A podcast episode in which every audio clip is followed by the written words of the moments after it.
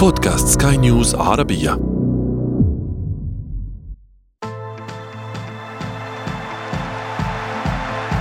أثير الكرة.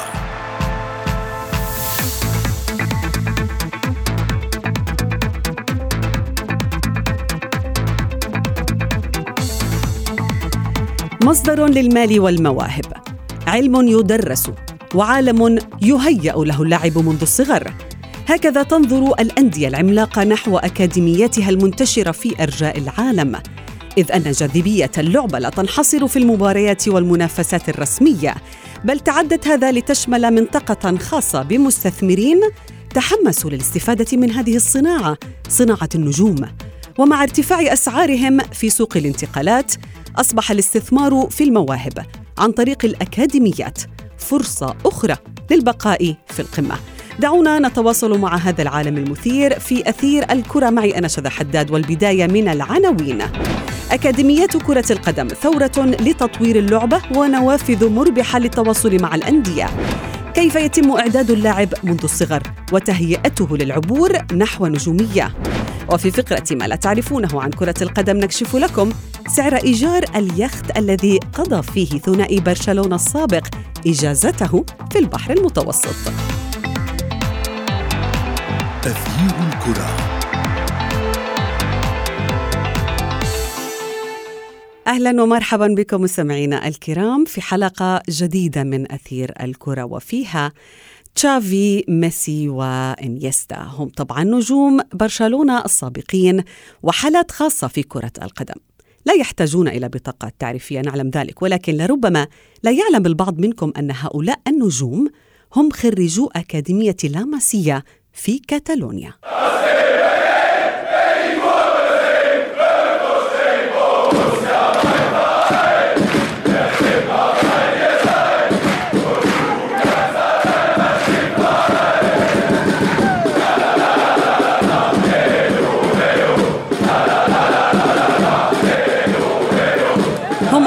نماذج مهمة لما سنتحدث عنه اليوم عن عملية التدريب وفق معايير سليمة مناهج علمية.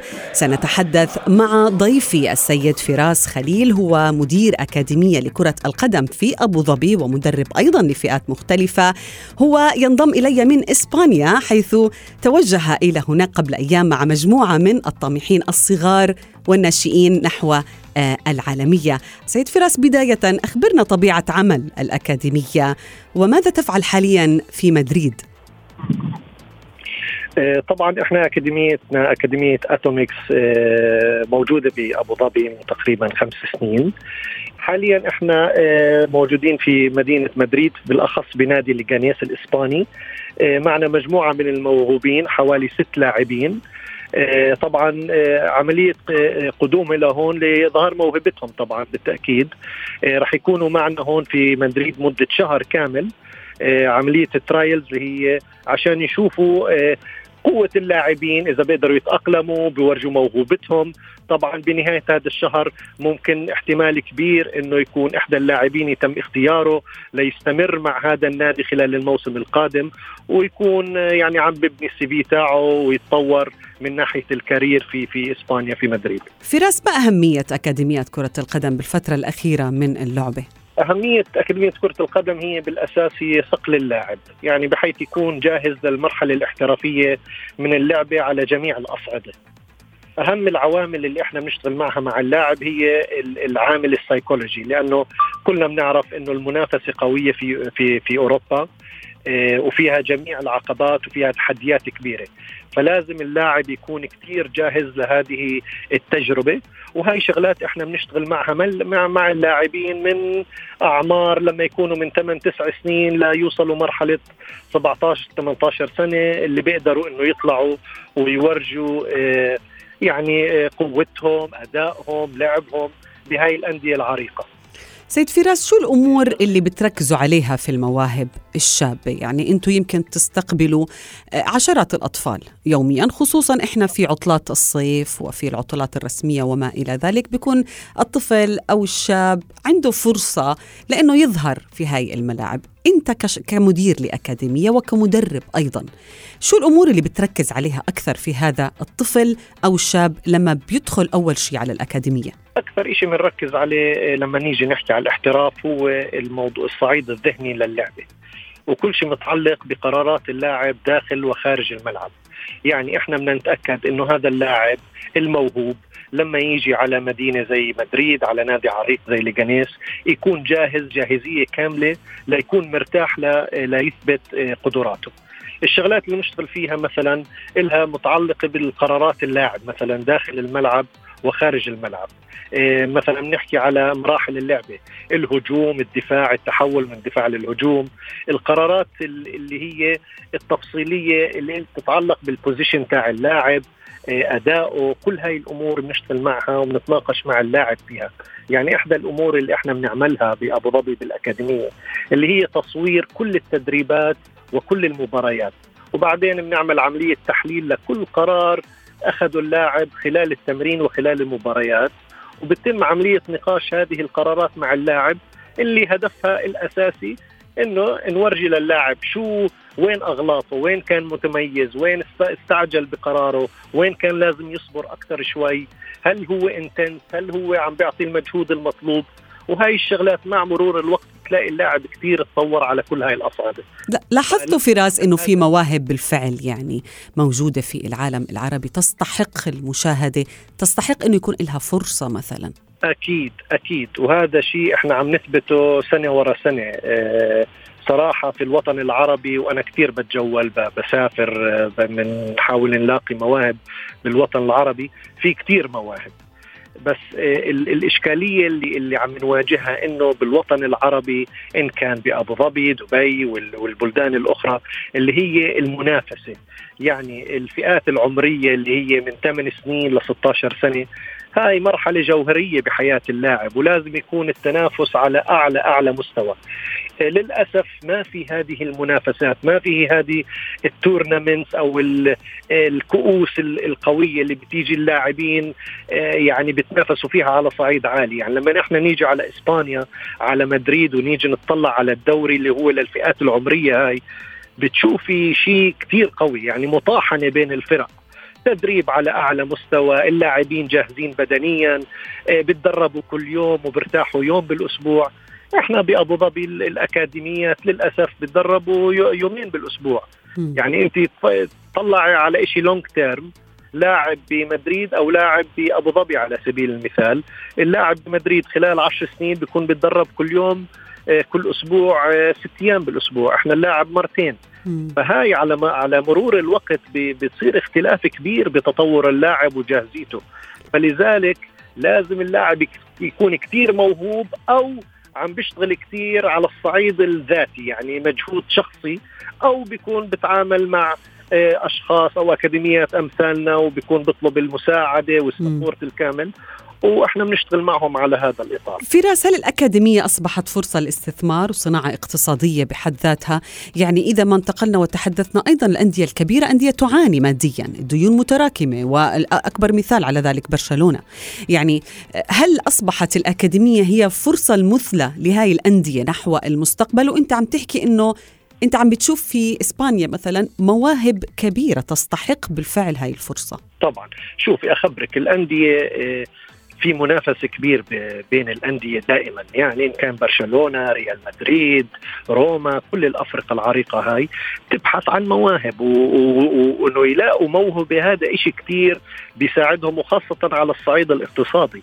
فمثلا بتلاقي الأندية العريقة زي برشلونة ريال مدريد وما إلى وما إلى آخره. عندهم آه، أكاديميات حوالين العالم. عندهم feeder club بتكون بمناطق بيعتقدوا إنه في منها مواهب كبيرة فبيعملوا إشي زي feeder clubs بتلاقي عندهم أندية و scouts موجودين بأفريقيا بآسيا بالمناطق اللي بحسوا أنه فيها لاعبين ممتازين. فهمت علي كيف؟ وطبعا اللي بيقدر يلاقي موهبة ويطورها وزي ما بيحكوا يلقطها بال بال بالوقت المناسب هذا شيء بدعمهم كثير آه وبساعدهم وحصلت كثير مع لاعبين من بلدان كثير آه كانوا موجودين وانتقلوا على بلدان زي ميسي. كان بالأرجنتين و على عمر صغير وشوفي ميسي قديش الإكسبوجر تاعه وشو عمل لبرشلونة يعني نعم. فهذا شيء الأندية كثير بتركز عليه وبيهتموا فيه وزي ما انت خبرتي نعم هو صار شغل وفي يعني مانجمنت قوية وراء هذا الأمور وإدارة لتحقق هذه الأهداف. نعم سيد فراس ابقى معي يعني ما زال لدينا الكثير لنتحدث عنه ولدينا ضيف آخر سينضم إلينا ولكن بعد هذا الفاصل. تغيير الكرة.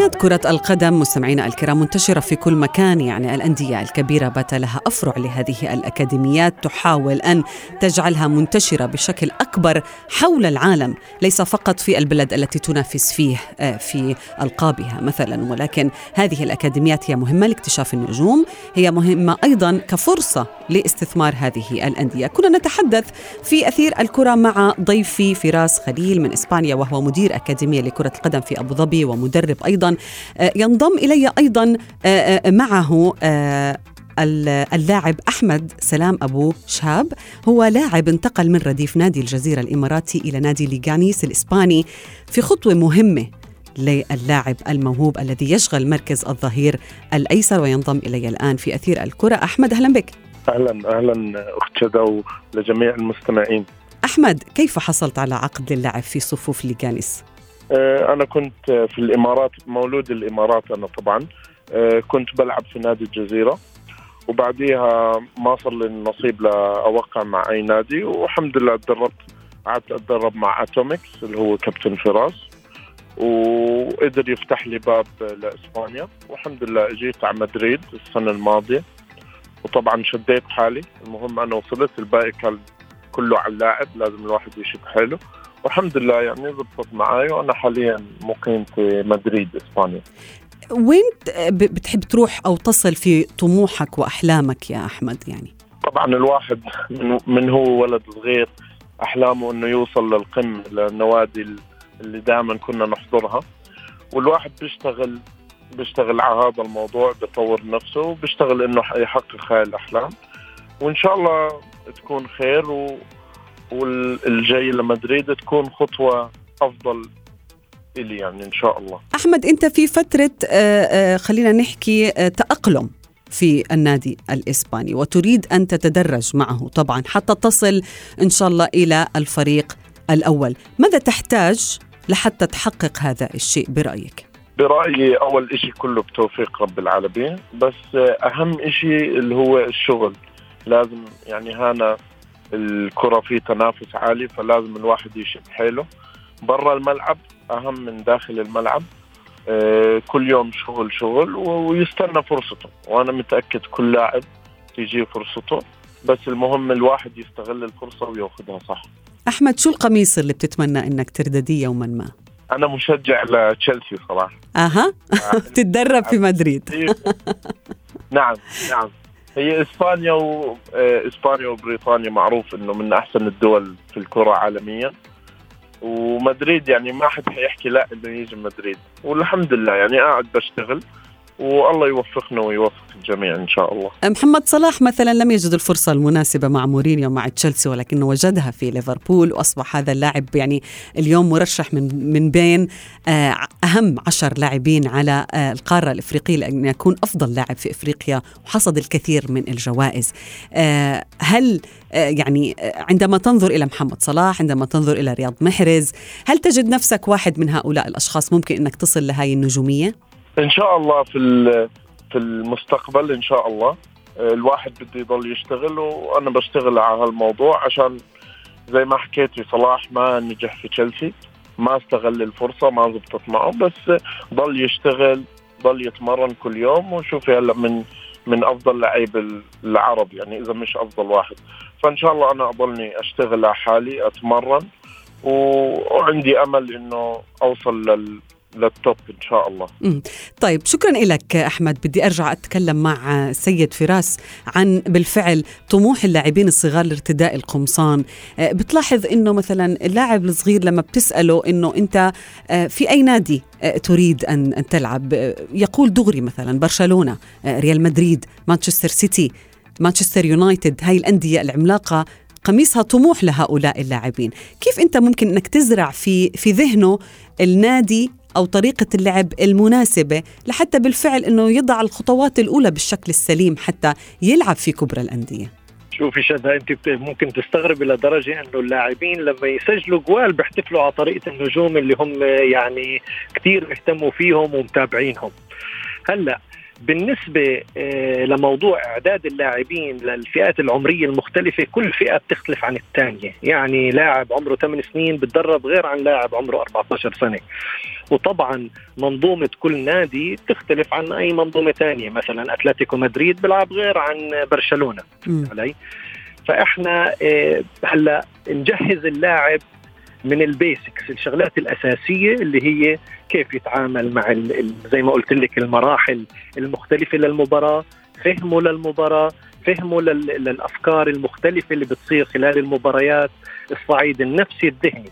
هاي الشغلات الأساسية بنقدر كلها نشتغل عليها. كيف ممكن أنه الطفل تضعه على آه، نقطة مهمة في مسيرته؟ لأنه كل طفل بحب يلعب كرة آه، قدم وكل طفل آه، يعني إذا شعرت أنت كأب أو كأم أنه طفلك يعني يملك هاي الموهبة. أنت تريد أن تضعه في المكان السليم وفي آه، لربما الأكاديمية السليمة. وكما ذكرنا في بداية أثير الكرة الأكاديميات حول العالم منتشرة في كل مكان. هناك آه، أكاديميات لريال مدريد وفي برشلونة مانشستر سيتي مانشستر يونايتد يوفنتوس أيضا. وهذه الأندية تسعى لأن تكون هذه الأكاديميات فرصة للاستثمار أيضاً.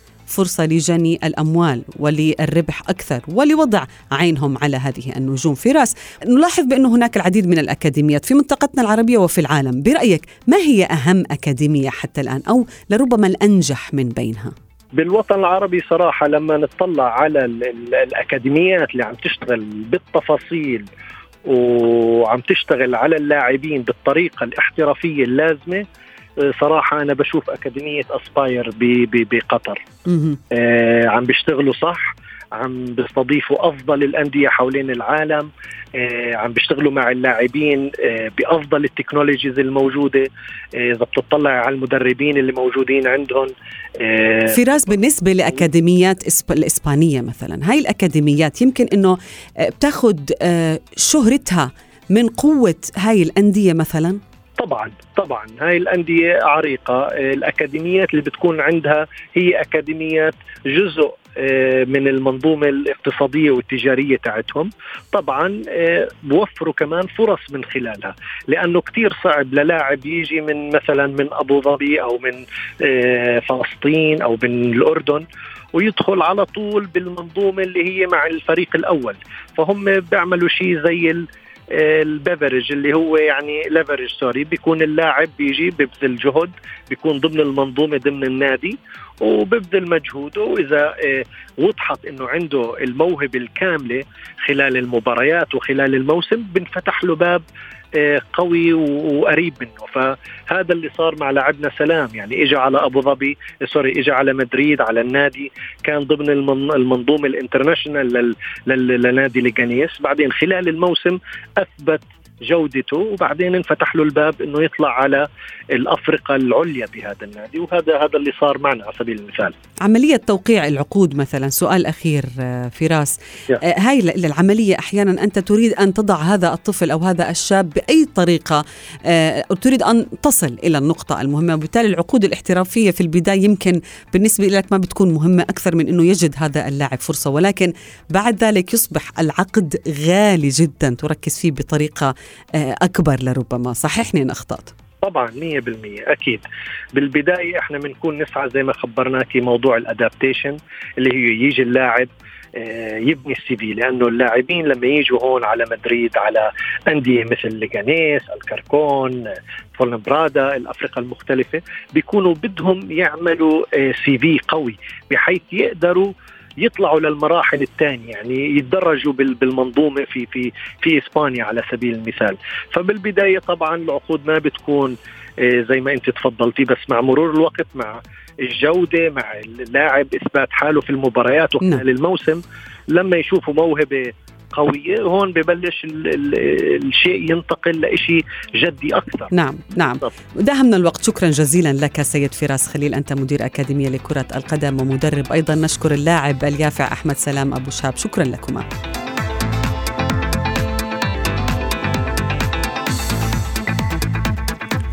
لربما كما ذكرنا من أشهر الأمثلة الحية على قدرة الأكاديميات في أن تكون جسرا للهواة إلى العالمية هو ليونيل ميسي الذي وقع والده وهو طبعا وكيل أعماله. أيضا وقع عقدا على منديل في مطعم في بوينس آيرس لينتقل ابنه إلى أكاديمية برشلونة حتى ساهم في صنع حقبة ذهبية من عالم اللعبة وأصبح أحد أغلى وأغنى النجوم حول العالم. وفي فقرة ما لا تعرفونه عن كرة القدم نكشف لكم مثلا قيمة إيجار اليخت الذي قضى فيه النجم الأرجنتيني إجازته هذا الصيف.